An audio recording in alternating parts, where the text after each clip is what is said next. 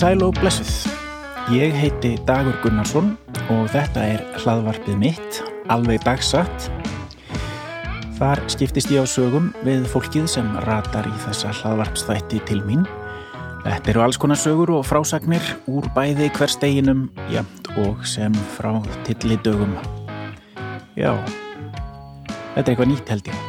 Tillidagasögur. Gæti verið efni í jólaþátt. Spjallið sem fylgir hér á eftir var tekið upp á hennu frábæra kaffehúsi Kaffi Rosenberg. Það er sérmærandi kaffehús í stóru gömlu timburhúsi í Kvosinni, miðborg Reykjavíkur og þar er kjörið að eigða parti úr degi í góðum félagskap og eh, ég kann honum Dotta og stuðningsaðilannum Chakwa Kaffi kæra þakkir fyrir að leifa okkur að taka þennan hlaðvarpstátt upp í svo skemmtilegu umhverfi. Án þeirra þá hefðum við ekki getað eitt tíma okkar í svona skemmtilegt bull og þvaður. Jakva kaffið, það er verðt að nefna það aðeins hér að það er ljúfengt og fæst á öllum betri kaffihúsum landsins. Þeir skulu endilega prófa eitt botla af þessu lífsblóði Íslendinga. Ég held að samfélagvort myndi leysast upp ef ekki væri fyrir blasað kaffið. Sjálfur held ég reyndar líka mikið upp á lakrís. Það er önnur saga. Áður en lengra er haldið þá vil ég minni ykkur á alla hina hljóðvarpsþættina á henni stórgóðsluðu hljóðkirkju. Það eru draugarfortíðar kokkaflak, nei hættu nú alveg besta platan og hennir stórbrotnu þættir Snæbjörn talar við fólk og við skulum ekki kleima domstegi. Sem sagt, eitthvað fyrir alla í eirun í hljóðkirkjunni. En við skulum halda áfram með alveg dagsatt. Viðmælendi minn í dag er hún Þórdís Gísladóttir.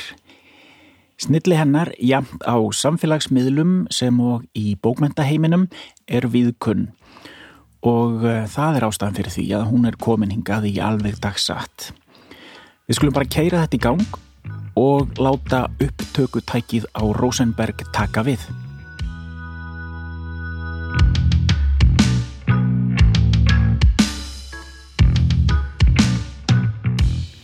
Já, við erum komin á uh, Kaffi Rosenberg að drekka Chakwa kaffi, dásamlega gott enda eru þessir þættir styrtir af Tjakva og eh, kannski fáum okkur smá lakrís og eftir. Mm -hmm. hann er miklu uppáhald hjá mér. Hjá mér situr Þórdís Gísladóttir. Skáld rittvöndur, þýðandi hvað fleira, amma. bílahattari bílahattari, í alvöru? Já. við bara stökkum beint í það. Já, ég, ég, mér er mjög illa við bíla eða sérstaklega, eh, já, svona ég, mér finnst að fólk er náttúrulega almenningssamkvæmgur eða lappa og hérna hef oft ekki átt bíl mjög lengi í langu tímabilum og já, mér finnst bílar fá bara alltaf mikið pláss í svona borgarrýminu. Mér finnst að hérna fólk eh, sem er gangandi ekki þurfa alltaf að vera að passa sig á einni mannesku á margra tonna skrimsli Ég er alveg sammálaðir en ég hata samt ekki bíla. Ég, ég fíla bíla en, en ég er alveg sammálaðir á hérna og reyfi minn bíl eins, eins lítið og ég get. Jú, það, það, já, já, en ég ætla samt að hata bíla. En ég, já. já, það er bíl heim hjá mér og hefur hafa, hafa oft, oftast verið til bílar en ég reyna að nota eins lítið og ég get. Já, ég skil það. Og ég skil líka, ég hef náttúrulega fylgst með þér á, uh, á, á samfélagsmiðlum. Þú ert stundum mjög virk þar með mjög hérna, skemmtilega komment. Það er gott að hafa svona skýra afstöðu, bara, já, bara svartvitt já, já, já, emitt, já, já. Það, er, það getur alveg verið þægilegt sko. En það, er erfitt samt stundum fyrst mér, sí, sífælt erfiðar náttúrulega eftir því sem er eldist. Betra að vera doldið svona það er svona auðvöldar að vera skver þegar maður er yngri. Ég held að það er einmitt að vera öfug já, það er ekki þannig sko Varstu skver þegar þú varst yngri? Varstu, eh, ég veit það ekki, já. Varstu borgaraleg og, og svona? Nei, eh, eða mér fannst það ekki. Nei, nei ég held ég hef kannski verið svona aðeins og leiðitum þú veist svona já, maður er svona að reyna að gera fólk til að hefis en ég held ég hef samt alltaf farið mína eigin leið eða mér er sagt það Sér, sér það eftir ég hafa ekki verið pöngari? Nei, ég held ég hafa alveg verið pöngari svona á minnhátt, já, ég var, ég var alveg ég hérna er búin að gangi fötum sem ég hef kæft á flómörkum síðan ég var svona 14-15 og verslaði hérna í Hafnarstrætin og markaði dýremdunafélagsins og svona, ég, já, já, ég, var, ég gerði gati eira á mig sjálf. Það er svolítið pöng. Já, já. En kannski meira svona, já, svona eitthvað skonar, kannski ekki pöngar, ég hef aldrei verið svona, þú veist, ekki mikið svona pöng tónlistar Nei. típa, enda á ég er upp með háa líka. Já. Svona öll hafa svolítið látt. Já, ég líka, ég líka. Ég var líka svona í, kannski aðeins of leiðitamur man, ég man mér að pappi sagði við mig hérna, hann bendi á á hérna Kormák Trimbil Já. og uh, koma og sagði hérna þá var komið með móhíkanna sko sem hafa litaður skjær neonblár og sagði við mig, akkur er þú ekki meira svona? Og ég var með sko þverslaufu og, og fermingar drengja greiðslu uh -huh.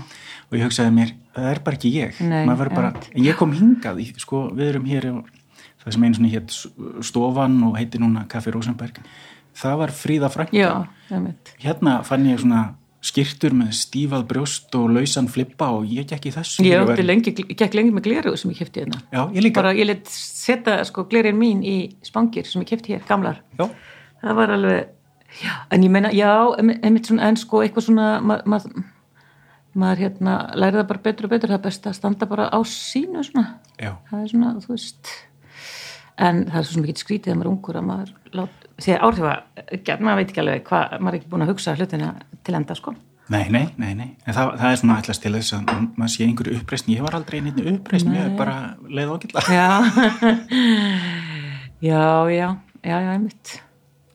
Förum aftur aðeins í hérna bílahatrið, mér finnst það svolítið drama þar eitthvað. Sko já, ég, bara, mér, mér hafa bara alltaf leðist bílar. Og ég tók ekki bílpróf þegar ég var 17 ára eins og flesti gerðu í hafnaferði eða svona margir.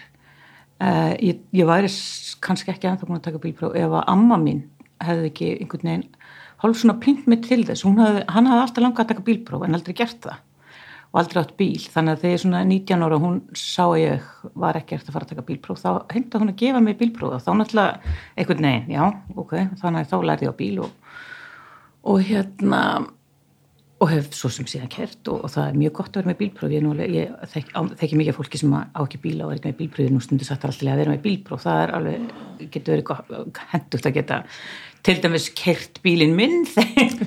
Þegar ég get skili bílinn minn eftir heimi og þér, þú getur fengið að lána ég lána mjög gæta bílinn minn og svona. Þannig að hérna, já en uh, ég sko, jú, pappi átt alltaf bíla, skóta og átti nokkra svona Saab 96 í rauð og alls konar bílar voru á heimilinu. En ég bara flytt að heima svona um það, um það leiti sem ég sem ég hérna fæ bílprófið og ég fekk bara stundum lánaðan bílun og svona. En svo hérna, já, en ég egnaðist samt fljótlega bíl.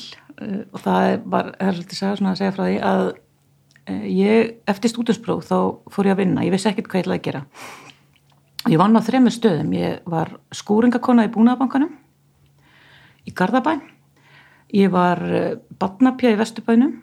Og svo vann ég á sambíli fyrir karlmenn með geðsjúkdóma í efst í bregðaltunum, í Keilufelli. Og þetta var svona svolítið mikill þeitingur á milli þessara staða. Og ég bara tók strætó og var stundum skuttlað og eitthvað svona en hérna á einhverju stímálsins þá sannfæri pappi mig eða einhverju svona að þú veist, fáið bara bíl. Þetta er alveg ómögulegt, vesin er verið alltaf að taka strætó úr Vesturbænum upp í Breitholt í Garðabæ, eitthvað svona. Og hérna, og já, ég hérna var að vinna um helgar hérna við bregðaldi og þetta var eitthvað svolítið vesen að taka stræt og svona, mæta snemma á mótnan og eitthvað svona. Þannig að ég ákvað bara, já, köp með bíl. Og uh, af einhverjum orsökum þá ákvað ég að köp með trabant. Og hérna þá er þannig að maður þurfti að panta þá maður gæti panta þá svona bara frá, frá hérna Östu Þísklandi, það var eitthvað sem, að, sem var bara umbúsmaður þetta þannig að ég bara panta með trabant. Nýjan úr kassanum. Nýjan úr kassanum. Og það átt að vera eitthvað nokkra mánu að byggð sko, hálsásbyggð eitthvað sliðis þetta er, ég held þetta sé snemman vor og þeir eru að koma um höstið eitthvað svona, það var alltaf með það. Og hérna og svo bara líður sumarið og, og svo kynist ég manni, þetta um höstið mannin mínum núverandi eitthvað tíman í september og þegar við erum að kynast þá kynum við okkur hvort það er og ég segir mjög ég heiti Þortís og ég er skúringakona. Og hann segir já ég heiti Snæbjörn og ég hérna vinn við að hugsa um bananaflögur. Og mér, mér finnst þetta mjög áhugavert. Ég held já, hvað gerur, já ég eldaði hérna, eitt lítir af mat handaði mig gær og ég bara syngtir það og svona, þannig að þetta verður ekki, ekki spara, ég er bara já, ég er til þetta já ég fer á lögadaginn, ég skal bara þú spjóða þær og sína þær bannaflugundar sem ég er að gefa að borða. Og hérna, og svo eitthvað, kemur eitthvað tals hvernig við, snúum okkur þessu og ég segi já ég er enga bíl. Og hann er ekki heldur en ég er enda búin að panta með bíl. Og hann segi ég líka. Og ég sagði já ég pantaði með trappan, já ég líka. Og hvernig trafnarpandur ég pantaði með svona station, já ég líka. Og hvernig kemur þinn, hann kemur hérna 7. november, já minn líka.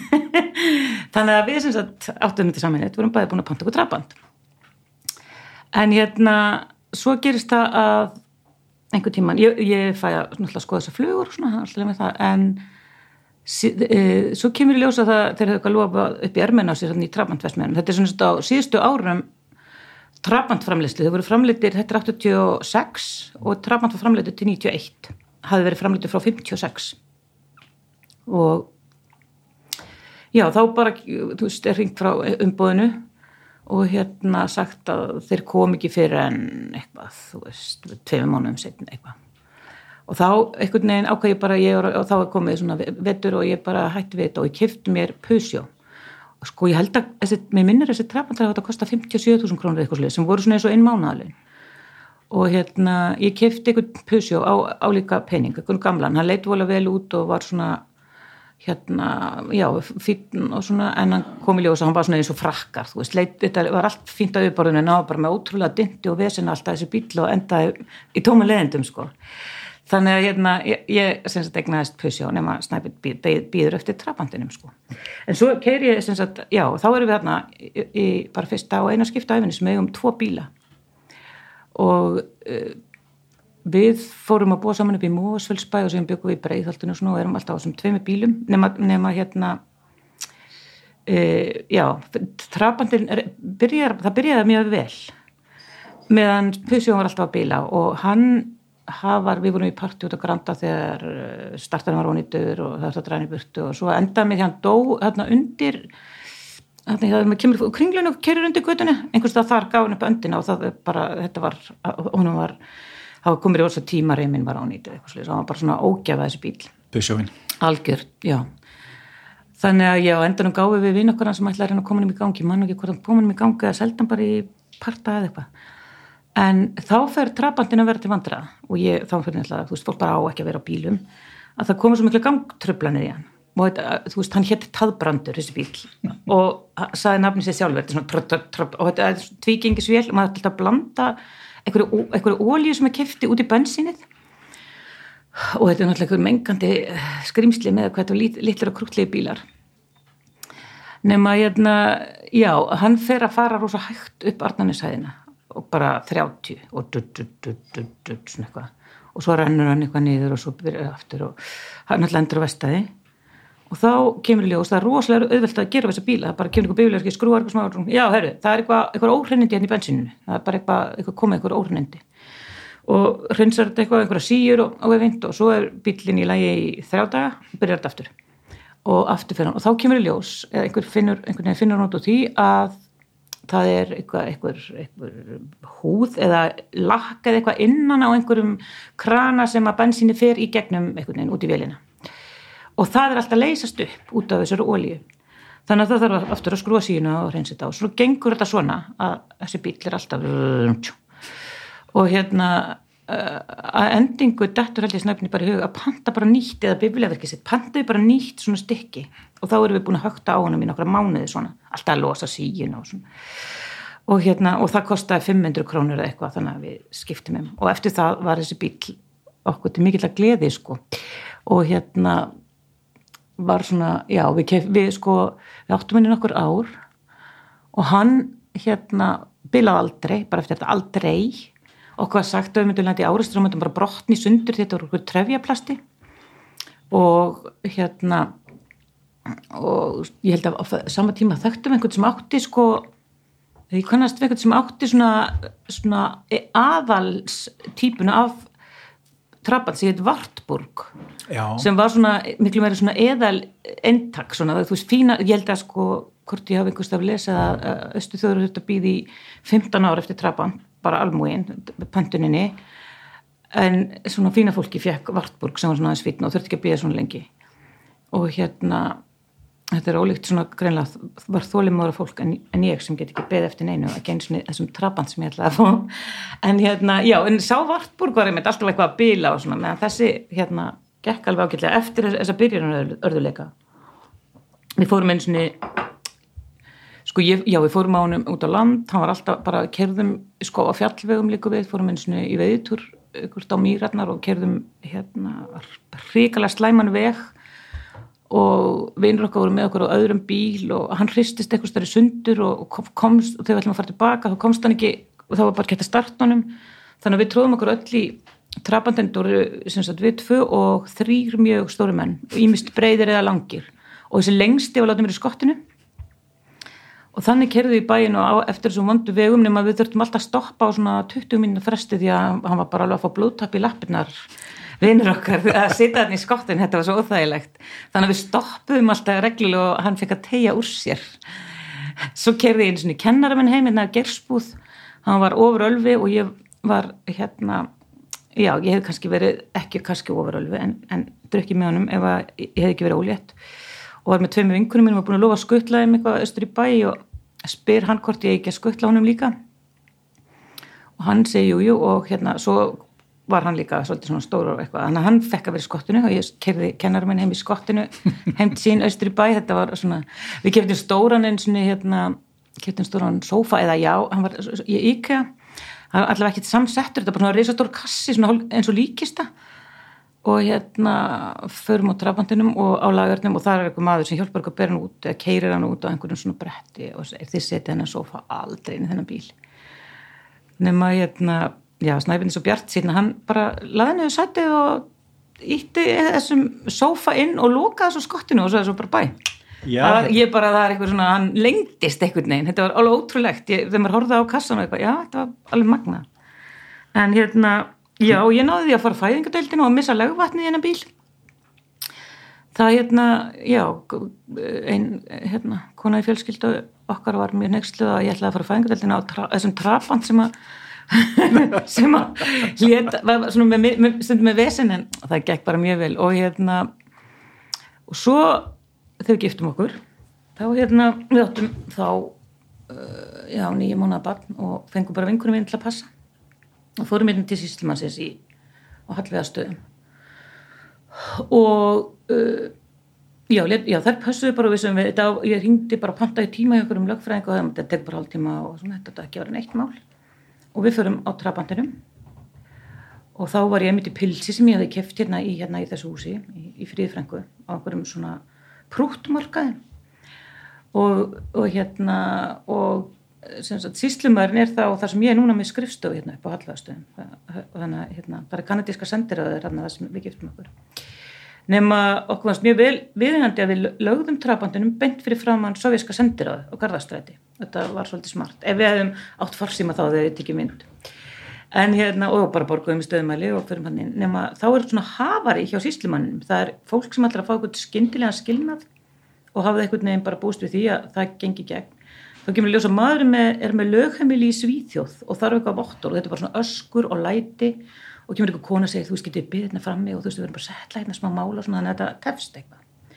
Nema hérna svo giftum okkur og þú veist allir með það og, og það var svolítið skemmtilegt að hérna við hefum ekkert spáðið með þetta ykkur á vott eða eitthvað, við hefum bara látið eitthvað, jú, og hvað sagt við hefum vott, við hefum bara látið vinn okkur. Frænda minn og konas sem byggum við hérna á hjónakörðum með okkur skrifa upp á vott, þannig að vorum bara við og svona einhver kona í lópapissu sem var einhver hérna svona rítari og þessi, þessi hérna fulltrú síslimanns nema í hérna, þegar hún er að lesa eitthvað svona upp, þá líti ég á gluggan og það er svona svolítið hárgluggi hérna og maður er að tilla sér aðeins upp þú getur staðið upp á einhverju eitthvað svona. Og þá er svona róni á glugganum að veifa okkur þetta var mjög skemmtilegt, en ég veifaði bara móta svo sprakk ég hlátri nema þegar við komum út þannig að feng, fengum við eitthvað svona hérna, bottorði bara umslag þá eh, er verið að skrifa stöðmælisegt og þau standa tvö hérna, við bílinn. Annar er að skrifa, kalla kona annar er að skrifa sektina. Og hinn stendur bara eitthvað svona rétt hjá. Og ég segi eitthvað, herru, við vorum gift okkur. Þið getur ekki verið að segt inna, það er eitthvað stöðumalega segt og hérna nema þau horfa bara okkur og bílinn einhvern veginn fannst þetta greinilega eitthvað mjög skríti allt saman. Og svo segi konan, já það er nú ekki mitt vandamál. Og skellti stöðumalasæktinu undir vinnukonuna á bílnum. Þannig að hérna, já, þannig ég, við ætlum að fara að borga bara stöðumalasæktina mannkynnsni, ég er bara á ég pening fyrir þessu? Nema þá er, þá kannu maður fara á löguröklustunni held ég og það er, það er búin að loka. Það er bara, bara förstu deglu án fjögur eitthvað. Og hérna þannig ég enda í mangi og við vorum að fara í einhverja brúköpsferð með barnið, ég held að sko já það var svona tilgangur með sér giftingu að hafa afsökun til að fara í ferðalag og hérna ég held að ég hafa bara arflegt pappa þessari stöðumæli sagt og sagt hann maður réttis og hann gerði þá þannig að það urði svo smengin eftir, eftir mála þessu sko. En hérna já það, og, en svo sagði ykkur vinkunum minni þetta bara, þú veist, í símanu kvöldi þegar við fengum bara stöðum alveg sagt bara vorum að gifta okkur. Þá, þetta byrjar ekki vel. Bara, ég segi ekki bara svona falli fara þetta byrjar bara með ykkur, ykkur veseni þannig að, já. En svo hérna, svo uh, losaðum okkur trapandin það er reyndar alveg svona loða við okkur að við höfum tekið við bílum sem að, að því að ég er bílahattari eða svona, þú veist. Og vil ekki, ég vil ekki eigða ég, mér er svo sorglegt að sumt fólk hérna, eigði kannski einum þriða vinnudöginum að vinna fyrir bíl. Þannig að við höfum svolítið verið svona að láta gefa okkur bíla sem einhver uh, vill losna við eða úst, finnst ekki þurfa að henda eða þú veist, kaupa það fyrir slik og núna erum við með, á er, erðagrip þannig að hérna, já, tengdamann mín, mín þá áttu ekki gamla bíl og að fá sér ný, nýjan. Og hérna þannig að við fengum, hún vildi bara lefa okkur að fá sinn og þá einmitt það var, ég held að það fundist svolítið svona glæfralegt að vera með hérna, og þá var svo annað barnið okkur að leðinu með bönn þannig í þessum litla plastbíl.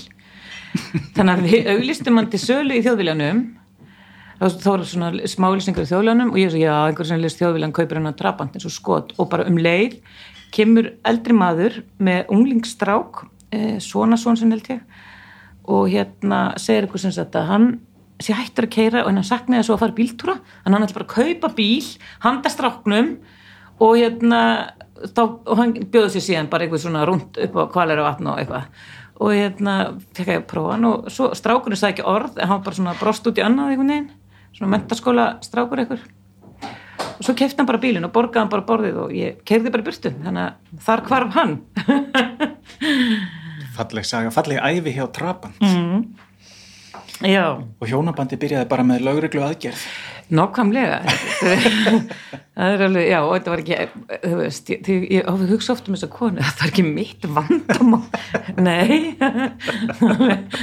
Það er ekki þitt vandamál en við kannski vorum, ég veit ekki jú, ég, ég, sko, ég var nú allavega í ég var í svona kvítri skirtu og þessu pilsi sem var eitthvað svona fjólublátt pils og þetta var í það var lók mæja og gott veður og svona, ég menna, og ég er með eitthvað brúnt umslag sem ég, þú veist, veifa fram hann hérna en eða engin miskun ég, Þetta var svolítið svipað þegar hérna, ég gifti mig. Mm.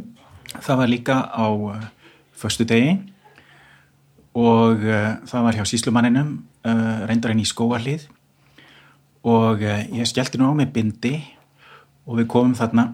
Var, það voru bara við. Mm. búin að útvöða einhverja votta og eitthvað svona. Svo komum við þarna upp og það er upp á annara hæð og það er svona smá byðröð við eitthvað svona púlt sem er svolítið svona hátt upp á svona mhm. borð og um, það er eitthvað mál sem er alveg bara klárast þannig að það er bara það eru tvær konur á undan okkur og það er líka svona eitthvað skilnaðamál og uh, það er ekki þannig að þær hafi verið að skilja heldur maðurum var fjárverðandi eitthvað mm -hmm. og, og hún verður svolítið æst konan sem er að skilja og er að reyna að fá eitthvað í gegn og það vantaði einhverja papir og eitthvað og hún svona hoppar upp á, hún liggur svona eins og selur upp á afgrúsluborðinu og uh, eh, buksnastrengurinn sem hafði verið lár fyrir, hann hasaðist enniðar og í ljós kom svona uh, bleikur uh, G-strengur milli hérna raskina sem að ég sá alltaf mikið af og svona húðflúr á mjóbækinu og uh, hún var bara svona eitthvað að, gramsa í papírónum fyrir afgriðslukonu, þetta átti maður klárlega ekki að gera. Nei. og ég vildi bara ekki fá þessa sjón, þessa minningu með bindið og jakka og fara, fara að gifta mig. Já, og svo, svo hérna kom, kom röðin okkur og þá var svona, já, við lí- aðeins yngra hérna og var eitthvað vísa sko einhvern, svona byð, byðstofu sem var full af fólki þannig að við sátum við svona legokuppa borð sko, með, með, batna svona, með hnén upp undir eyru og, og, og reyndum að, að hugsa fallegar hugsanir. Já, já, já, þetta er, svona gekk þetta. Já, Ég átti líka uh, ég kefti líka mitt fyrsta fartæki á svipuðum ástæðan. Ég var að, að vinna inn í Garðabæ og stundum tók ég sko svona næturvaktir hreinlega eða þannig, það var vinnulaug um þrjúleitið stundum um helgar og nóttinni. Og það var bara engin strætó það var engin hérna, landleiðir sáu um, um hérna flutningana. Pluss það hafði kostað tölvert lapp upp á Reykjavíkuveg frá yðinbúð þannig að ég var eitthvað að skoða að ég kunni ekkert á bíla og, og hérna pappi var ekki, ekki mikill bílamaður og við kunnum ekkert að gera við og eitthvað svona. og ég var eitthvað að spáði það að kaupa einhvern gamlan útýran bíl en þetta var nú bara svona sumarstarf þannig að þetta var nú svolítið fáránlegt að ég meitt að eigða öllu kaupinni í farirtækið eins og þú veist að segja En þá var það frændi minn, móðubróðir, sem stakk upp á því að ég geti fengið hérna eitthvað gamalt notað ódýrt mótorhjól. Ég var bara, ég, ég hef aldrei, ég átti ekki skellinöður, ég, ég, ég, er með, er glerugu og, og hérna, ég gengi skýrtum og jakkafötum úr fríðu frængu. En svo fannst mér þetta mjög spennandi og, og hann fann eitthvað í, í smáulýsingunum og við fórum og fundum mann sem er þá hérna uh, ég er ekki alveg komin á þennan aldur í dag en, en, en ég nálgast að útfluga þetta var semst maður sem hefði ætlað að endur upplifa einhver æskuljóma og kefti sér hérna, stort móturhjól svo komst hann að því að þetta var svolítið óþægilegt. Hann var orðin svolítið svona styrður í, í hálsinum og, og hérna átti erfitt með að skoða umferðin í kringu sig á móturhjólun hann leiði ekkit vel með þetta þannig að hann ákvað bara að selja þetta. Þetta var ríkalega vel með farið og svolítið stór klumpur. Og, eh, og ég bara hérna, let frænda mín bara ákveða þetta alls saman og þá eru bara sleiknir einhverju vikslar og þetta kostaði ekkit svo mikið. Þetta var minna heldur en bíl bíl, já. og svo sagði frændi mín, já svo bara hérna, tekur þú prófið, það er ekkit mál. Ég, bara, ég var nýbúin að taka bílprófið þannig sko. Og, og að því kunni ekki á neitt og neitt þá ákvað ég myndi kannski þurfa aðeins að æfa mig á móturhjóli til að vera ekki eins og astni í fyrsta móturhjóla tímanum hjá einhverjum auku kennara að því að þegar þeir eru kent á móturhjól þá ertu bara einn á móturhjólinu svo er bara kennarinn einhverstur annar staðar með talstöð og talar við þig í, í gegnum hana. Og uh, ég vildi ekki hérna, klúðra þessu algjörlega. Og vegna þess þegar ég tók, fór í fyrsta bílatíman þá hérna ég var endur ekki rosalega stressaður að því ég hafði verið í sveit og, og, og, og æft mig þar á, á traktor og jeppa en svona móturhjólið það var ég svona aðeins óörgari þannig ég fór að æfa mig út á Altanissi Amma og afi áttu heima út á Altanissi og ég fór þangam með hjólið. Svo bara þetta var ekkert mál þetta var rosalega gaman engin vandi og uh, ég fór bara að hjóla og svo fór ég bara að nota þetta. ég undir mér þessu svo þú Já, þetta, þetta er bara eins og reyðhjól það, hérna, það dettur ekkit nema að sé stopp. Já, og uh, þú ert með báða fættur sitt hver á megin við það og þú, þetta er bara svona jafnvæðis Já.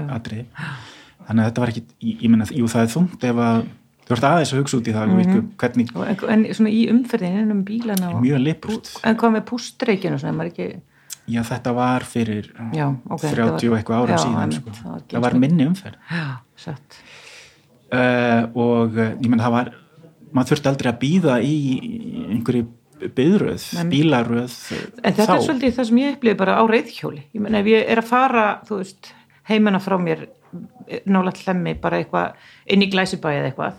Þú veist, mér finnst þetta miklu betra bara hjóla. Heldur en að hreyfa bílinn? Heldur en að fara, jöðast þetta á bílnum og svona stundum hugsa, já, ég, ég tek bílinn, svo sé ég eftir því þegar ég bara komin upp á Suðurlandsbreyt, bara okkur gerði ég þetta. Þetta er alveg, ah, það er fínt veður og, og veðrið er alltaf betra en maður heldur þegar maður er inni. Einhvern veginn, það er bara er þannig og það er svo það er oft sko miklu þægilega að vera hjólið ég hugsa stundum, þú veist, um fólk sem er að jöðast einhvern veginn í miðbænum á bílum, hvernig nennur þess ég nenni þess ekki sko. alveg ég hugsa að ef maður býr í miðbæna þá, þá gengum maður meira heldur en fólk sem býr í útkörunum já, ég held það sko, algjörlega. Það tekur ekkert að reyfa bílinn til að fara upp á hlemma eða eitthvað, Nei, nei, þá er maður búin að labba nokkru kilómetra bara en maður já, já, alveg, maður er bara búin að taka fjóra kílómetra bara því að labba nýri bæ og, og aftur heimti sín sem maður tekur enga stund og, og maður bara, af því að maður fór í bónus og myndi svo og maður alltaf átti erindi í bókabúð og svona, þannig að það er alveg en svo er náttúrulega líka, svo sem ef, ef maður hérna er á bíl hérna, þá er náttúrulega nóga einhverjum bílastæða húsum og svona, ég var í mitt eitthvað, hefur svona nokkur svona bara undarferð verið á bíl óvart og, og hérna nýri bæ á, einhverjum ástæðum og búin að prófa þessi bílastæða, þetta er snild frábært. Hrikalega, gott að hérna, að því ég hef aldrei eins og þannig á berstastræti og eitthvað svona, alltaf fullt af lausum bílastæðar þannig að bara í þessu, þessu hú- húsi þessi litli bílastæðar Já, sko, fóreldra mínir eru bara áskrifundur þau borga bara einu svona ári. Þau nota þetta bara eins og bílskúl Já, bílinn þeirra á bara heima í svona já, það er alveg briljant Þa, það er alltaf stæði. Já. Þó þessi ekki nákvæmlega sami bletturinn. og þarf aldrei að skafa og, og, og bara, já, og fínt sko. þetta er mjög, þetta er alveg ágætt sko. En, en hérna þegar ég var hérna á móturhjólunni svona ó, ólíklegur móturhjólatöffari þá lendi ég nokkur sinnum í svona alls konar skrítnum aðstæðum að að þetta var ekki sko, það er svona hverjum kultúr í kringum Mhm. þetta þeir sem er í sniglónum og svona þeir, þeir lifta vinstri hendi svona þeir eru mætast og Já, eru alveg já. töffarar og, og það er svona kamerateri og eh, ég eh, eignaðist vinn eða kunningja þarna í Garðabænum sem að var sko móturhjóla áhuga maður mm jafn gamall mér og hann er það ennþann dag í dag. Og hann hefur alltaf átt móturhjóla ímsum gerðum og hann fekk bara stjallin neður um leið og hann gatt það eitthvað svona. Og hann átti þarna svona voðalega nýtt og fínt og kraftmikið móturhjól mitt var svolítið gamalt og, og kannski hitt rosalega kraftmikið og hann sagði áur að koma hérna með mér á rúndin og eitthvað í sniglan og eitthvað. Ég var bara, það var nú ekki alveg ég ætlaði nú ekki að hérna, fara alveg þangað sko. en svo var ég forveitin en ég fór með og þá eru bara sko einhverjir 50-60 aðalega kallar þegar þetta var keirandi mjög hægt um á móturhjólunum sínum og ég var bara, þetta var þetta, sko, þetta var bara eins og ég var að svindla mér inn í eitthvað glæpa gengi fannst mér, allir í svaka leður göllum og eitthvað svona. einmitt.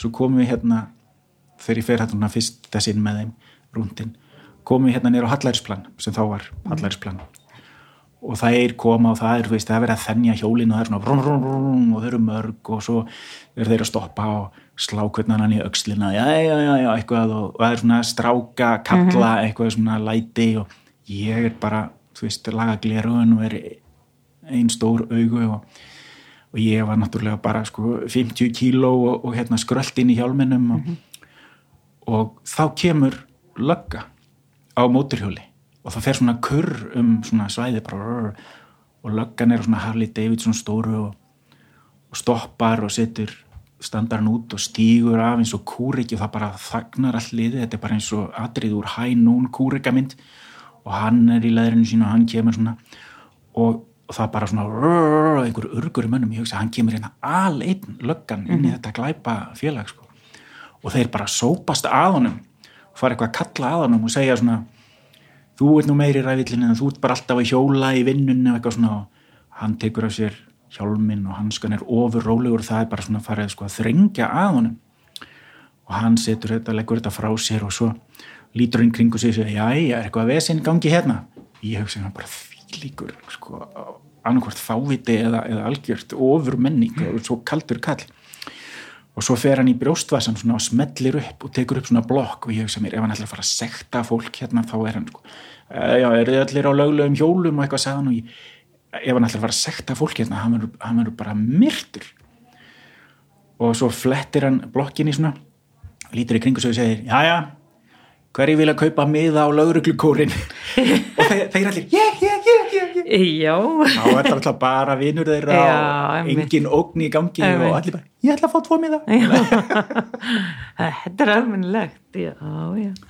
Þetta var, þetta var alveg alvöru fyrir mér í smá stund sko. En þetta er einmitt svona einhver menningar kemi sem að, þú veist, er, einhvern veginn, en þá, ég sá, sá um þetta á Facebook gamla ljósmyndur Já. um daginn, bara það, fólk er alltaf að skrifa eitthvað svona, það nátt ég heima eitthvað svona og svo er eitthvað þetta tekið 1991 eitthvað og þá kemur alltaf einhver, nei, nei, nei, nei, nei, nei tekið, svo veist, eitthvað og þá er einmitt, hérna, þetta er tekið hérna, ég á kaffi París og einhver starf hérna á Östuvelli og þá er einmitt eitthvað svona mótíhóla vesti, vestamenn, einhver sem standa og einhver segir það, nei, nei, þetta er hérna veist, þetta vesti sem er mert einhverju mótíhóla gengi, þeir voru þeir voru bara hættir hérna 91 og komur eitthvað þetta er yngre þú veist, þetta er, þetta er frá 80 eitthvað. Þetta er- þetta er eitthvað svona Já. segir einhverja sögur, sko. Kúltúrmenning, Já. já, kúltúr og menning já, já, já. Svo svo hérna við áttum ekki bílskur, þetta eiginlega bara reyðgaði hjá mér og, og ég kunni ekkert að gera við þetta þannig mér tók samt að selja það ég, ég gæti losa mig við það Mm, Já, og áttur þetta lengi? Eitt, tvö ár held ég sko, svo kefti ég bíl og ég man föður mínum var alltaf í nöp við þetta hjól Mhm. -hmm. Og ég skildi það ekki þá. Mér finnst bara, það er ekki það, þetta er frábært bara vum vum og spennandi. Einmitt. hann var bara alltaf að tala um hvað þetta var hættulegt Mhm. og alltaf að heyra af banaslýsum að þessu og svona. Svo núna er ég komin á, á, á og er orðin eldri en pappi var þarna og ég og líka Mhm. eitt son á unglingseldri það er ekkit langt í það að hann kom fái bílpróf og, og ég hugsa um mig bara guð minn góður, ég vona að hann Nei, ekki. fari ekki í þetta sko, að ég veit hvað þetta er hættulegt núna ég, Já. mér fannst þetta bara Allt í lagi, já, já, ég veit ég, ég datt tvisvar á hausinn Ok, og meiddur þið eitthvað? annað skiptið uh, meiti ég mikið neitt, ég fekk bara sjokk og skráma með þessu eitthvað og beglaði þessu hjólið En svo setna skiptið þá meiti ég mig ekkert svakalega ég var ekki sko, ég var ekki leður buksum Mm. þannig ég skrapaði á mér mjöðminu og fekk svona möl og sand í, í lærið og, og það er svona svona lófastór blettur á mér það sem að ég er tilfinningalös Á, eftir þetta, já. Já, og það hái mér ekki neitt sko, en ég, og ég gleymi því reglulega en, en ég hugsa ef þetta hefði verið eitthvað ef ég hefði verið óheppinn þá Já, já. farið miklu verð sko. Já. Já. ég hef eiginlega ekki, ekki stíð á svona síðan sko. Nei, þetta virkar, mér finnst þetta virka eitthvað svo, eins og þetta sé eitthvað þungt og erfitt og... já, nei þetta er, þetta er bara æfing sko, en um, og fara að valega, það er nú aðalega sko, held ég aðrir í umferðinni sem eru, Mhm. eru, eru hættan Ég bara vildi, það er bara best að taka, fólk fær aftur að ferðast á hestum. já, Mér finnst það, Þú segir það, ég nefnilega, ég hef búið í London já. það er sagt að umferðin núna sé hægari heldur en á, á, á hérna, tímum Viktoríu drottningar þegar Mhm. allt, allt var dreigið af hestum að þá komist með raðar frá, frá A til Ö aftur á móti þá held ég að ég myndi ekki nenna að vaða allan þann skít sem kemur úr, aftan úr hrossinu hrossinu. Nei, það er eitt sko. nema að það væri komið eitthvað sístem þar sem að sko það voru svona litlir, svona einhverju götustrákar sem Já. hlupu og söfnuðu þessu saman Söfnu þessu saman, bara einhverju sóparar. í, el, í, Gæti- í brenni, í Já, eldi við. einmitt, Já, það er kannski hugmynd sko. ég hef alltaf verið svolítið rifin af hesta lykt Mm. og, og hérna það er bara svona svolítið sætur keimur af Já, hestaskýt einmitt, já, þetta er ekki svona, ekkit, ekkit vandlíkt þetta er ekki fráhrindandi eins og eins og mörg önnur svona dýra, neha, já, nei, ég veit ekki, það er, mér finnst allavega, já, allt frekar en bíla, ég finnst það alveg svona enga bíla, þetta er bara svo, þetta er svo förðulegt að þetta sé liðið að, hvað er það, 60 mann sem bara deyja fyrir aldur fram út af einhverju mengun og það sé bara ein manniska í þessu risastóru tækjum sem kostar rosalega mikið og menga ógeðslega mikið og þetta sé bara sjálfsagt mál. já.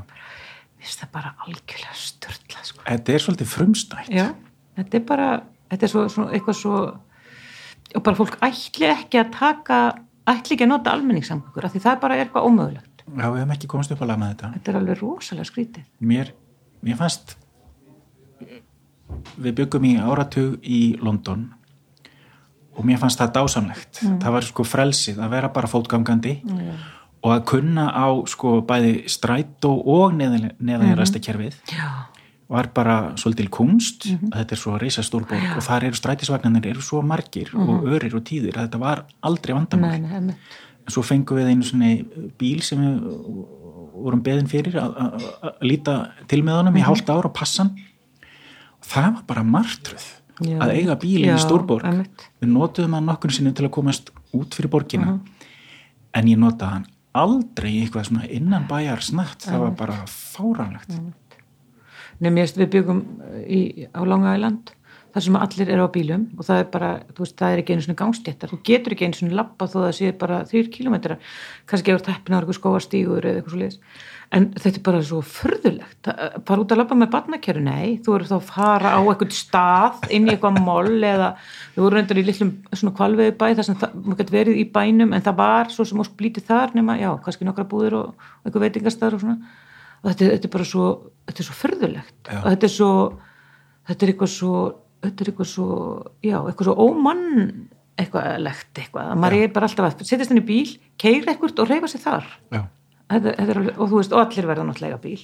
Og ég veist, ég þekkti manneski sem að bjó ég veit ekki, tíu myndna göngutúr frá mér eða korter eða eitthvað það var ekkert að labba til hennar. Það var bara, það, bara, það var, það var smá bútra gangstætta sem við byggum það sem voru gömulhús svo kom hann inn í miðbæn og svo þurftum við að labba upp á miðbænum eitthvað og þá var bara komin einhvers konar svona já, hraðbraut og, og engin, ekki einn einasti göngustíður ekki séns að labba hann maður þurfti þá allavega, maður hefði getað ská eh, alls ekki með batt sko, maður hefði kannski getað já, maður hefði örgulega lappa bara og í eitthvað fena brennin eitthvað alveg bara, hérna, já. Þegar ég var bann þá, þá byggu fóreldri mínir í Stokkólmi í fjögur ár í svona stúdentakverfi og það, það voru, ég held, þrjú bílastæði á útjæðrinum í hverfinu og þetta voru fimm eða sex svona húsagarðar með sko svona leikvell í miðjunni og svo svona blanda lágarblokkir eða, eða bara tvekja það svona í kringum svona sandkassan og leikvellin og það voru fimm eða sex svoleiðis einingar og uh, jú, það var malbyggað stígar og vegir og milli og svo voru bara bílarnir voru bara fyrir utan hverfið. Já, þetta var hugsað fyrir stúdenta með börn Já. og ég fór bara um þetta hverfi á hjólabretti og það var paradís. Æðislegt.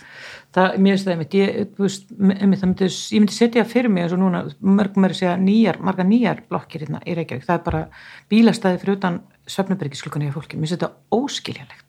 Alveg, þó maður vilja jafnvel eiga bíl eða, þetta, þetta er bara svo förðuleg hugsun að þú er ekki að þurfa að lappa einhvern hring, en svo, já, svo finnst mér líka við byggum lengi Svíþjóð og þá einmitt áttu við engan bíl í eitt vetur og þá náttúrulega almenning samgöngur og, og svona, þú veist, við vorum undar, það var ekki, það var ekki lestir í uppsölum, það var upp strætó og svona, þú maður tekið lest í Stokkons en svo gekk fólk bara að hjólaði, en svo einmitt kom vor og þá keftum við okkur bíl, keftum við okkur gamlan sapa, því að þú veist, mann langar eiga bíl til þess að fara skoða eitthvað, fara veðitúr, fara út á eitthvað vatn og sigla eitthvað og það, þá er nefnilega skemmtilegt að eiga bíl en að vera að keira alltaf. á hverjum degi. Eitthvað og svo sko er, er það þannig að eins og hérna það er bara búið að sína fram á það að flesti bílturar eru bara svona þrýr kilometrar eða allavega minn en fjórir kilometrar og, og það eru sko það er jafn langt eins og frá hlemmi og niður á, lækjatorg bara eins og úr bílnum inn í íka og í gegnum íka, þetta er eitthvað 900 metrar og fólk getur ekki lappa frá hlemmanir í bæ en þú getur alveg lappað úr bílunum og inn í íka og lappað eitthvað ringi þar og, sleifur og Já. þetta er alveg sami göngutúrin sko.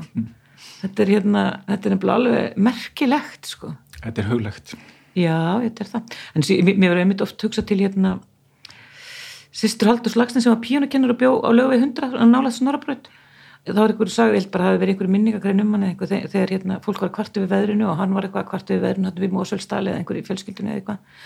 Þá sagði hún, flytið bara hann að lögu hér er alltaf gott veður.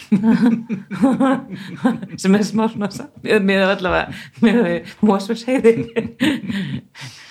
já, það er hérna ég er mjög gaman að því að, að, að það skulle vera búið að loka fyrir bílaumferð á smákabla á lögveinum og þetta er bara eh, það sem koma skal í myndið mér og, og mikið verður að fínt þegar að tækni verður orðið þannig að maður getur bara farið upp í einhvern vagn sem hann keiri sjálfur Já.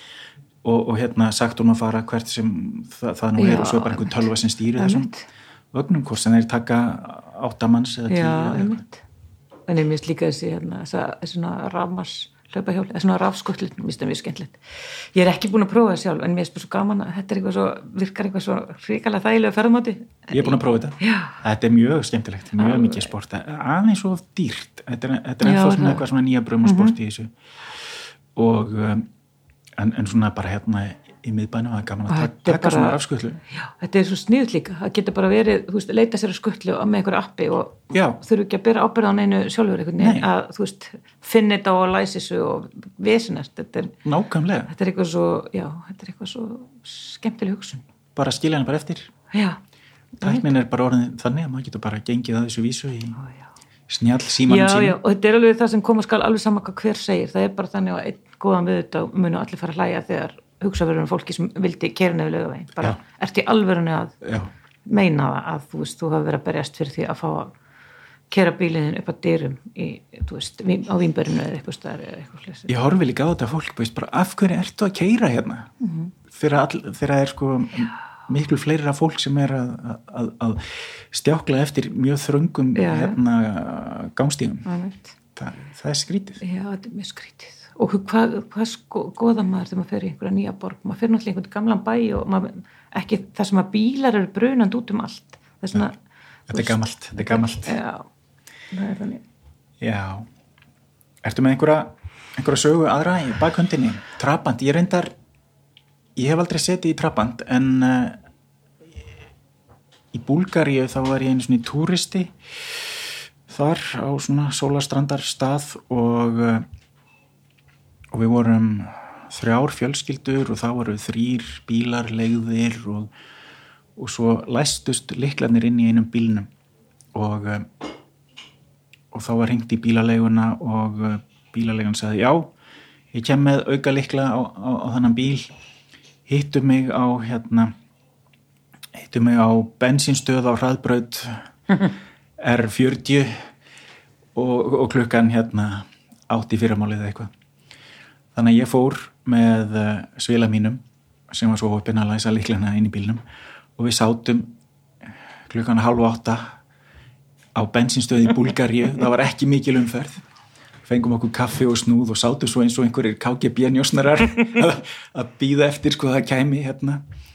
Rauð Toyota sem myndi Já. blikka ljósonum og, og, og myndi þá fara og skiptast á hérna njósnagögnum og sem við sitjum þarna, þá kemur rosalega flottur trabant sem var svona búið að svona pimpa svolítið upp, hann var á flottum felgum og, og hann var hann var svartur með gull, gullhúðað, gulllitað hútt og skott og svo kom svakalegu gæi út úr honum, opnaði bæði skottlokið og húttið þannig að bílinn stóð svona eins og, eins og inn, inniskór svona gapandi. Og svo var hann að setja tvígengis ólíuna á- hella.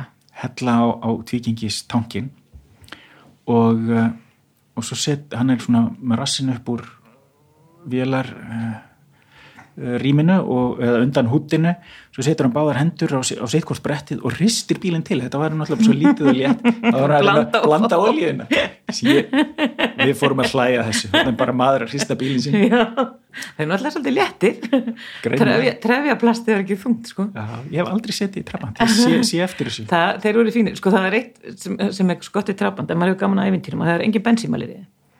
Nei, Það er bara þannig að sagt, það er aðaltankur og varatankur og, og hérna þegar maður fyllir bílinn þá legur eitthvað smá á þannig. og það þannig að sagt, þegar bensínljósi það bara var grænt og svo allt í einu var það raukt og þá þýðir það að það eru bara eitthvað, örlítið eftir í tankinum. Og e, þá þarf hann annað að taka bensín. Eða þá að maður getur hérna þegar, þegar hann er alveg búinn sko eða kláraðist, þá getur maður sett varatankin á. Og þetta var bóstalega eins og hurðarhútnátt inn í bílinn sem bara dung, opnaði fyrir eitthvað svona dung, nú opnaði og ekki alveg pluss. Og þá fór hérna varatankurinn sem sagt, var, maður komin hann og þá var gefið upp og maður gæti mest kert einhverja x marga kílometra þannig að þetta var stundu smá spennu ég maður eftir einsinu var í bensinlaus hérna einhvers staðar, já, í hérna, bara var nálægt bensinstöðinni hérna í öskilíðinni, en annars var ég, var ég frekar nöyratíst með þetta, því ég bara, þú veist, að taka bensín, það er svo hræðilegt að vera í ár, bensínlaus í ártúnsbrekkunni eða eitthvað, en þú veist, ég viss aldrei, þú veist, hvað, af hverju geta eitthvað mæl, neða, það var bara allt svona rosa einfalt, það var bara grænt, það er bensín, raukt, bensín er alveg að vera búið og svo tank, var tankurinn og þá getur kert 5 km og það er bara eitthvað svona, þetta er bara eitthvað svona, það var nákvæmlega sama system einmitt á móturhjólinu sem ég kipti þarna mm. árið, það var tvígengisvél Mhm. runn, runn, runn og ég þurfti að setja svona olíu og svo það, ég held bara að sé ekki nema þá einhverjum allra stærstu Harley Davidson móturhjólum, ég veit ekki hvernig þetta er í dag en það er, ég held að sé bara svona tæknilega séð uh, út, út í hött að vera að setja einhvern bensínmæli á móturhjól Já, þú ert bara með tankin og svo, svo, svo, svo svo gull- hallar svo fara mikið. þú bara finnur þetta, þú bara hristir þetta til og frá bara hvað er mikið eftir, þú bara svona, skinjar það. En ég var sko fyrst, ég, það hefði enginn kent mér á þetta og ég var bara, vissi ekki hvað var að gerast. Það bara dun, dun, og bara dó á hjólunni hjá mér og ég var að starta þessu. Þetta var svona mörgt að sparka það í gang. Og svo, svo fann ég einhvern einmitt svona krana og þá rauk allt í var, gang að- sko. að sko. Þetta er bara mjög sniður kerfi. Nei, þetta voru alveg samtök sko trafnandi að klúburinn skynsuminn ræður. Alveg rétt. Þegar Snæbjörn fekk trafandinn sko þá hérna þá fekk hann blómvönd og svo fekk hann svona miða til að setja afturúðuna sem stóð klúburinn skynsuminn ræður. Einsinn er ræður. Já. en ég veit nú ekki hvort það myndi standast sko hérna svona mengunar prófi ég hugsa ekki Já, ég, sko. annars veit maður ekki, mér er svona margir þetta er svo lítil vél, jú, jú, það kannski kom Það var stór svolítið svona- blá reykur já. aftur úr þessu en þetta er, svo, þetta er Já, sko er satt. en, um, en nei, nei, það myndi örgulega ekki standast svona mengunar og alls ekki svona örgisprófanir í Nei, dag einmitt. Ég mani mitt eftir að hafa séð einhverju svona br br brotna, þú veist, það er kerið á þá. já. Þá hérna, nei, þetta myndi, þetta er ekki eins og bílar núna sem fari í svona einhvers konar.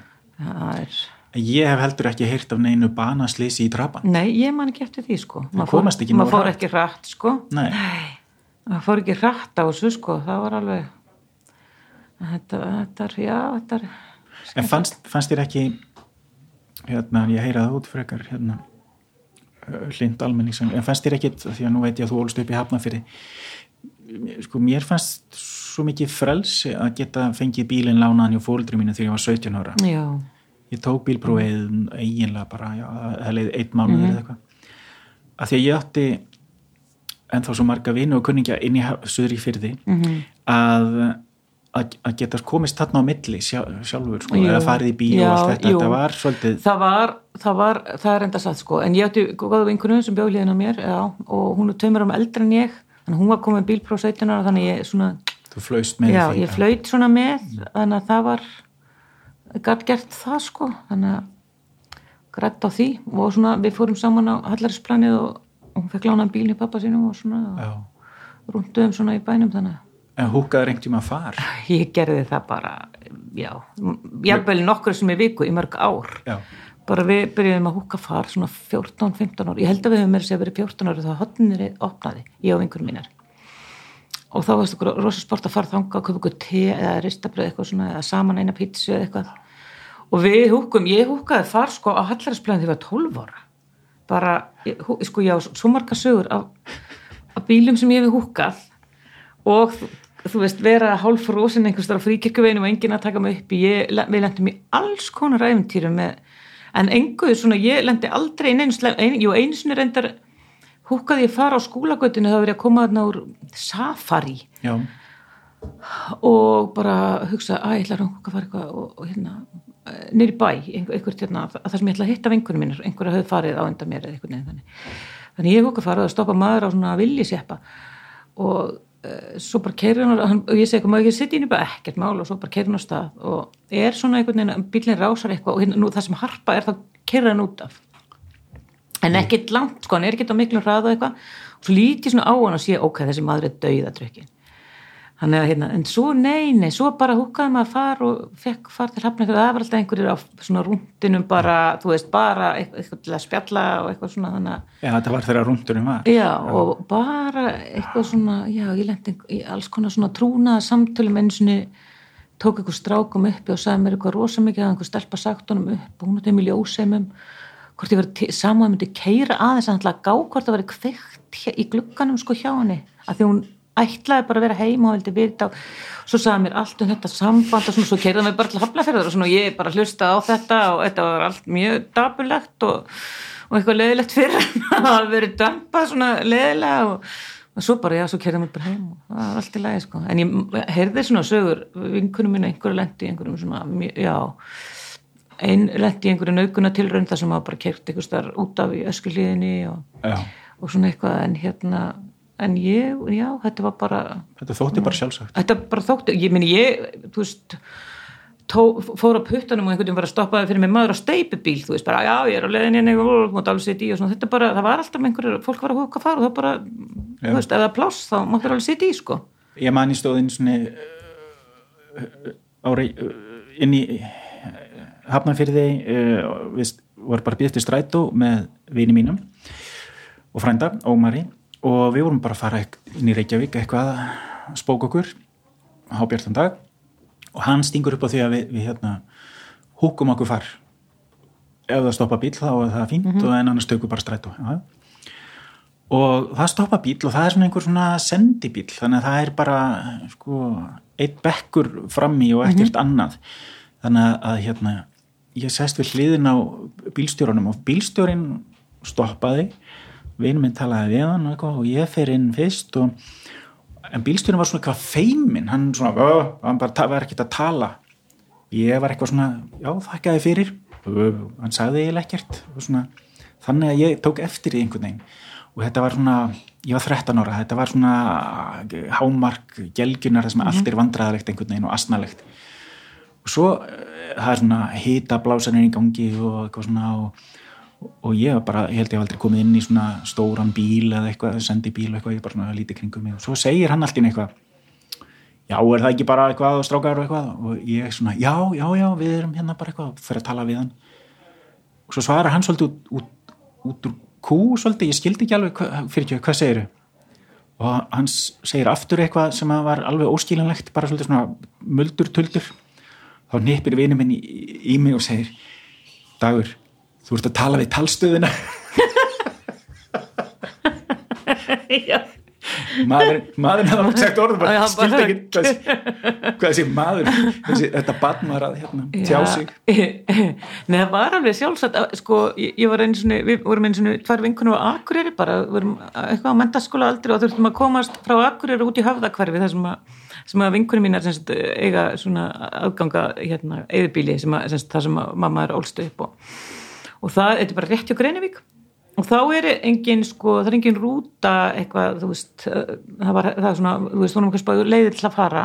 Og þú veist, það var engin sem gæti skuttla okkur akkur að tatna og svona, þannig að eitthvað frankarnir sér, að farið bara neyra á hérna eitthvað þarna neyri bæði þar sem að pósturinn er og tekkið hvort að það er ekki einhver þaðan að fara, þannig að við bara fyrir þangað, þetta er hérna bara neyri miðbæði einhvers þar og hérna og, og það er bara eitthvað svona, já, jú, blessaðan Gauji hann er að, hann er, hann er að fara til Grænivík og, og þið meður glæfa að fara þetta er hálf tíma og hann gefur eitthvað, já, já, stelpjum ekki mála, þannig að við setjum í sko en hann þurft að stoppa leðinni, hann þurft að hann líði þar að fara næra á Svalbæseri og fá kaufélagsstofan, kalla til að skrifa á viksil fyrir mig, er ekki við saman að þú býða þess eftir mér og svo þurf ég að kíkja þarna inn á einni kellingu, þarna eitthvað og bara, jú, jú, þannig að við bara byðum og meðan hann hérna meðan hann létt kalla í kaufélaginu skrifa á viksil og heimsótt einhverja konu og drakk með eitt kaffibotla og eitthvað svona, og svona. þú veist, þetta er bara ekkert mál, veist, við vorum svona 17 ára og ja. bara, þú veist og er þetta nóga sko, streitt ykkur úr hér og eitthvað og svo löpuðu bara, það, þetta var svona, já meiri svona, þetta er svona venjulega að já. fá bara, láta, svona, já byrja einhvern að skuttla sér eða setja í bara samfélagsdæmi, en e, núna er náttúrulega komið svona eitthvað á netinum að mm -hmm. hérna, ég þarf bara að kynna mig eitthvað svona skuttl og, og, og skuttlarar, samt þessi skuttlar sem ég kíkta hans og mér syns þetta aðalega að vera sprúktsalar Já, okay. en kannski, maður getur svolítið líka fengið far Já, sprú, sprúkt og far. Sprúkt og far, það voru náttúrulega voru svo sem líka sprúktsalar og það var svona aðeins öruvissi fyrirkomulega því sko. Já. en það er, já, það er Já, þegar nú er bara býður netið upp á sam, samskipta máta Já, einmitt, en ég hef reyndar einhver sem ég þekkti let skuttla sér eitthvað svona og og það, ég veit náttúrulega fólk sem er býr á Akranes og hverjargerða svona, er svona samegur og einhverju sem að vinna þú veist, leggja bílunum sínu einhver styrpi í Norlingaholti og svo skiptist þér á að keira og svona, þannig að það er svona skipulagt sko, en ég meina Já, það er þess vegna sem þessi bílar eru já, þar. Já, og, og svona, já ég, sagt, þetta er konu sem að vann í bænum og bjóða á skaganum, hún var oft í einhverjum svona mm -hmm einhverju svona bíla, þú veist, þau skiptist á þrjú og keira og svona sem er náttúrulega alveg rækið, en það, það var einhverju kunningjar Það var svona, hérna sístem ég fór tvísvar til Eistlands fyrir já, 30 árum ég heimsókn að skoða og, og, og hérna þá þá hérna gist ég hjá fjölskyldu sem að bjóð svolítið út úr mm. og voru eiginlega bara svona í það verið svona mósfellssveit svolítið, sko, það var svona eiginlega sveitabær sem þau bjögum mm -hmm. en, en samt í grend við, við Tallinn. Og um, það var hægt að taka strætó og bara margi mm -hmm. strætó og þetta var á þeim tíma sem þetta var ennþá Sávitrikinn og, og kerfið sem þau notuðu aðalega, það var sko, maður fór á svona umfyramiðstöðni í miðbænum. Og svo bara sögðu þau, já þú tekur bara þarna leið nummið tíu bara, býður bara stöð, það er svona stöður og ég bara gerði það. Og um, og það var sko allt fullt af stöðrum mm -hmm. og allt fullt af litlum sko þetta var nánast eins og bitabox þetta voru svona bílar á starfi þetta borstofuborð sem við sitjum við. Mm -hmm. þeir tóku sko, það var náttúrulega þröngt seti, þeir tóku kannski ég veit ekki, 6-8 farþega eitthvað svo leiðis ok, segjum 8-10 farþega.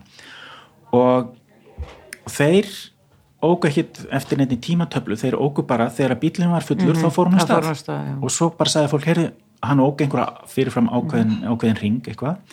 Og svo sagði fólk bara ég, ég ætla að fá að fara út hér. Það voru enga stoppistöðuvar mm -hmm. þannig. Og, og þetta kostiði náttúrulega bara sko, þetta kostiði tíu öyra farið. Þetta er nú svolítið eins og flugur út af frá keflaug engin veit hvernig hún fer. Já ég er alltaf að fyrða mig á þessu. Þegar ég kem, þú veist, ég, einmitt maður, já, maður bara, já, býta á ég að býða hérna lengi? Hvernig ferðu? eitthvað bara, þú veist.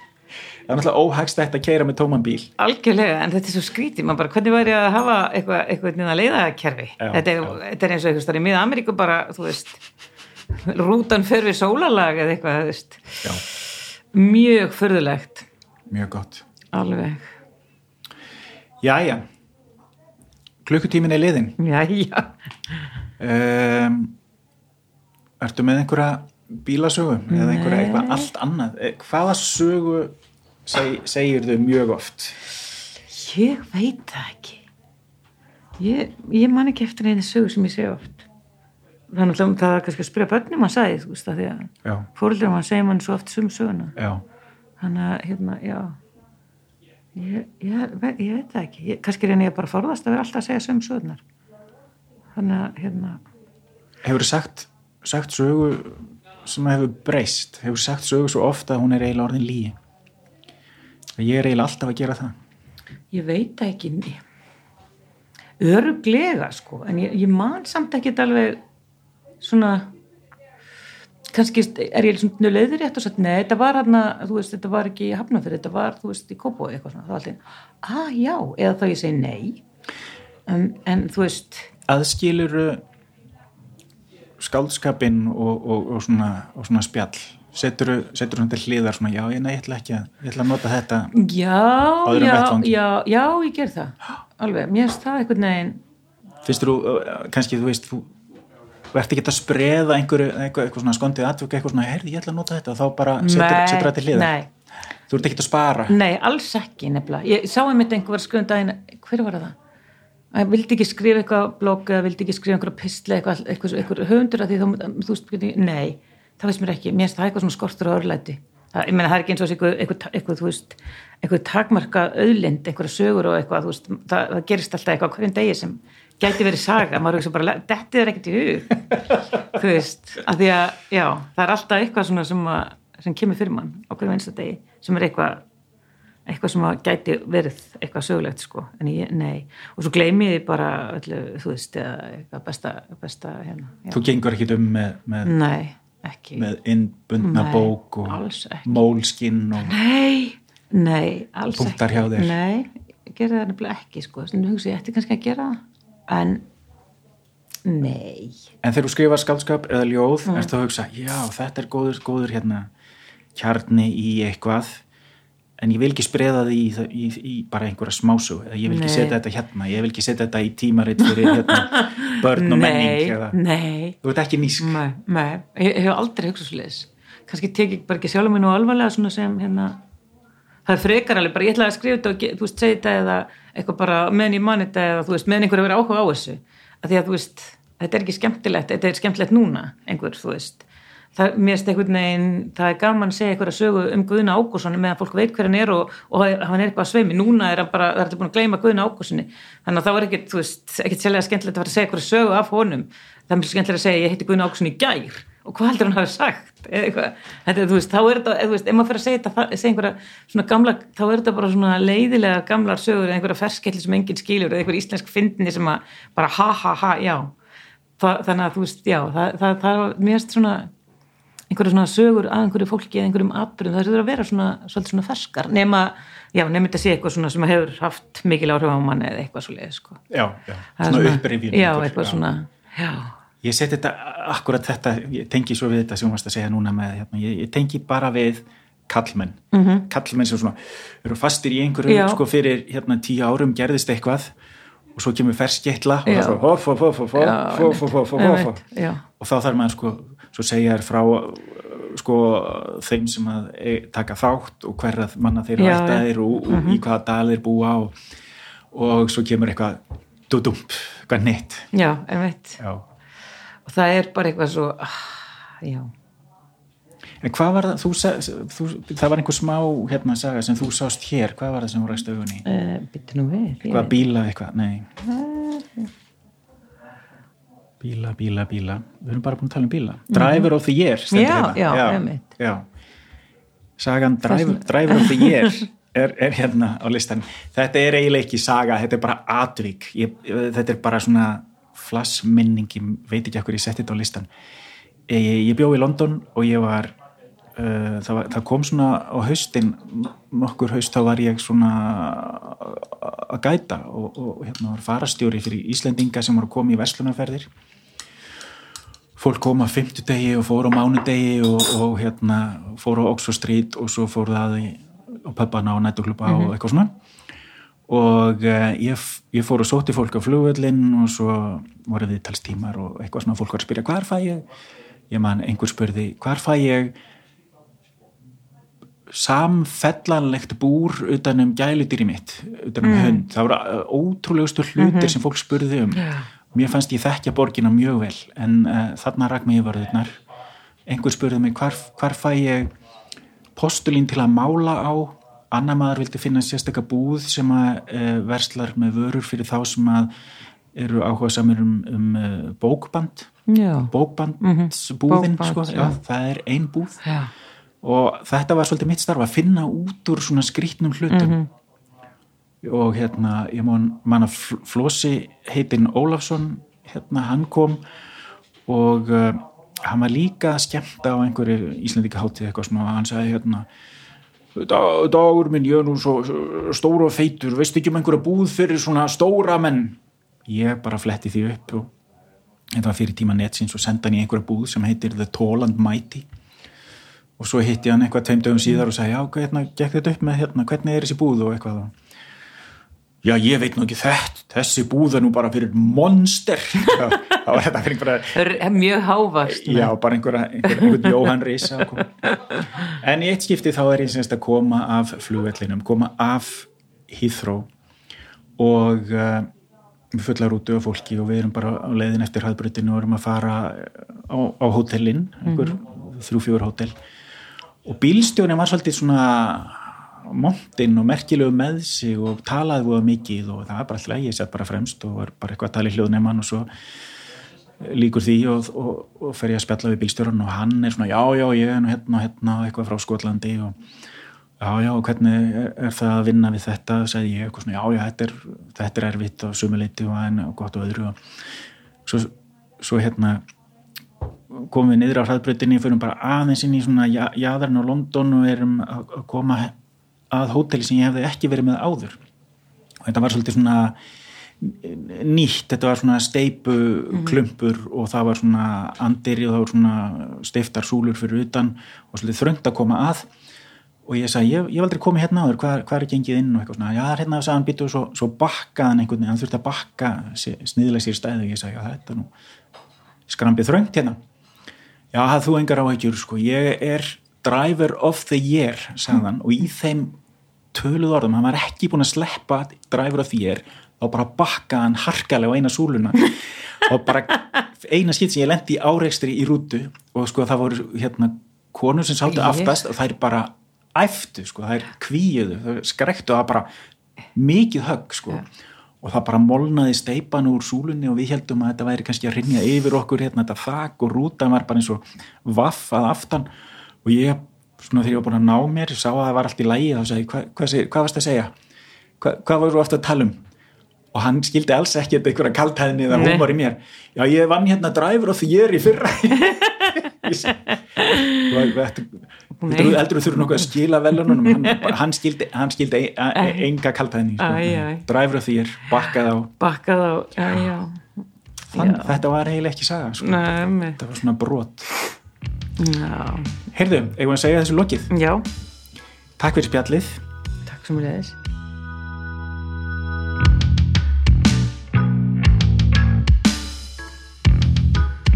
Þetta var hún Þórdís Gísladóttir, skáld, þýðandi, rithöfundur og trabant sérfræðingur. Hún á svo sannarlega skilið að fá góða hlaðvarpskjöf og ég held að það komi ekkert annað til greina en eðal eintak af trabant bíl í toppstandi. Setjum í hann vistvæna vél sem er knúin áfram af vistvænu þrýsti lofti með blóma ilmi en samt með gamla góða útblástur hljóðinu.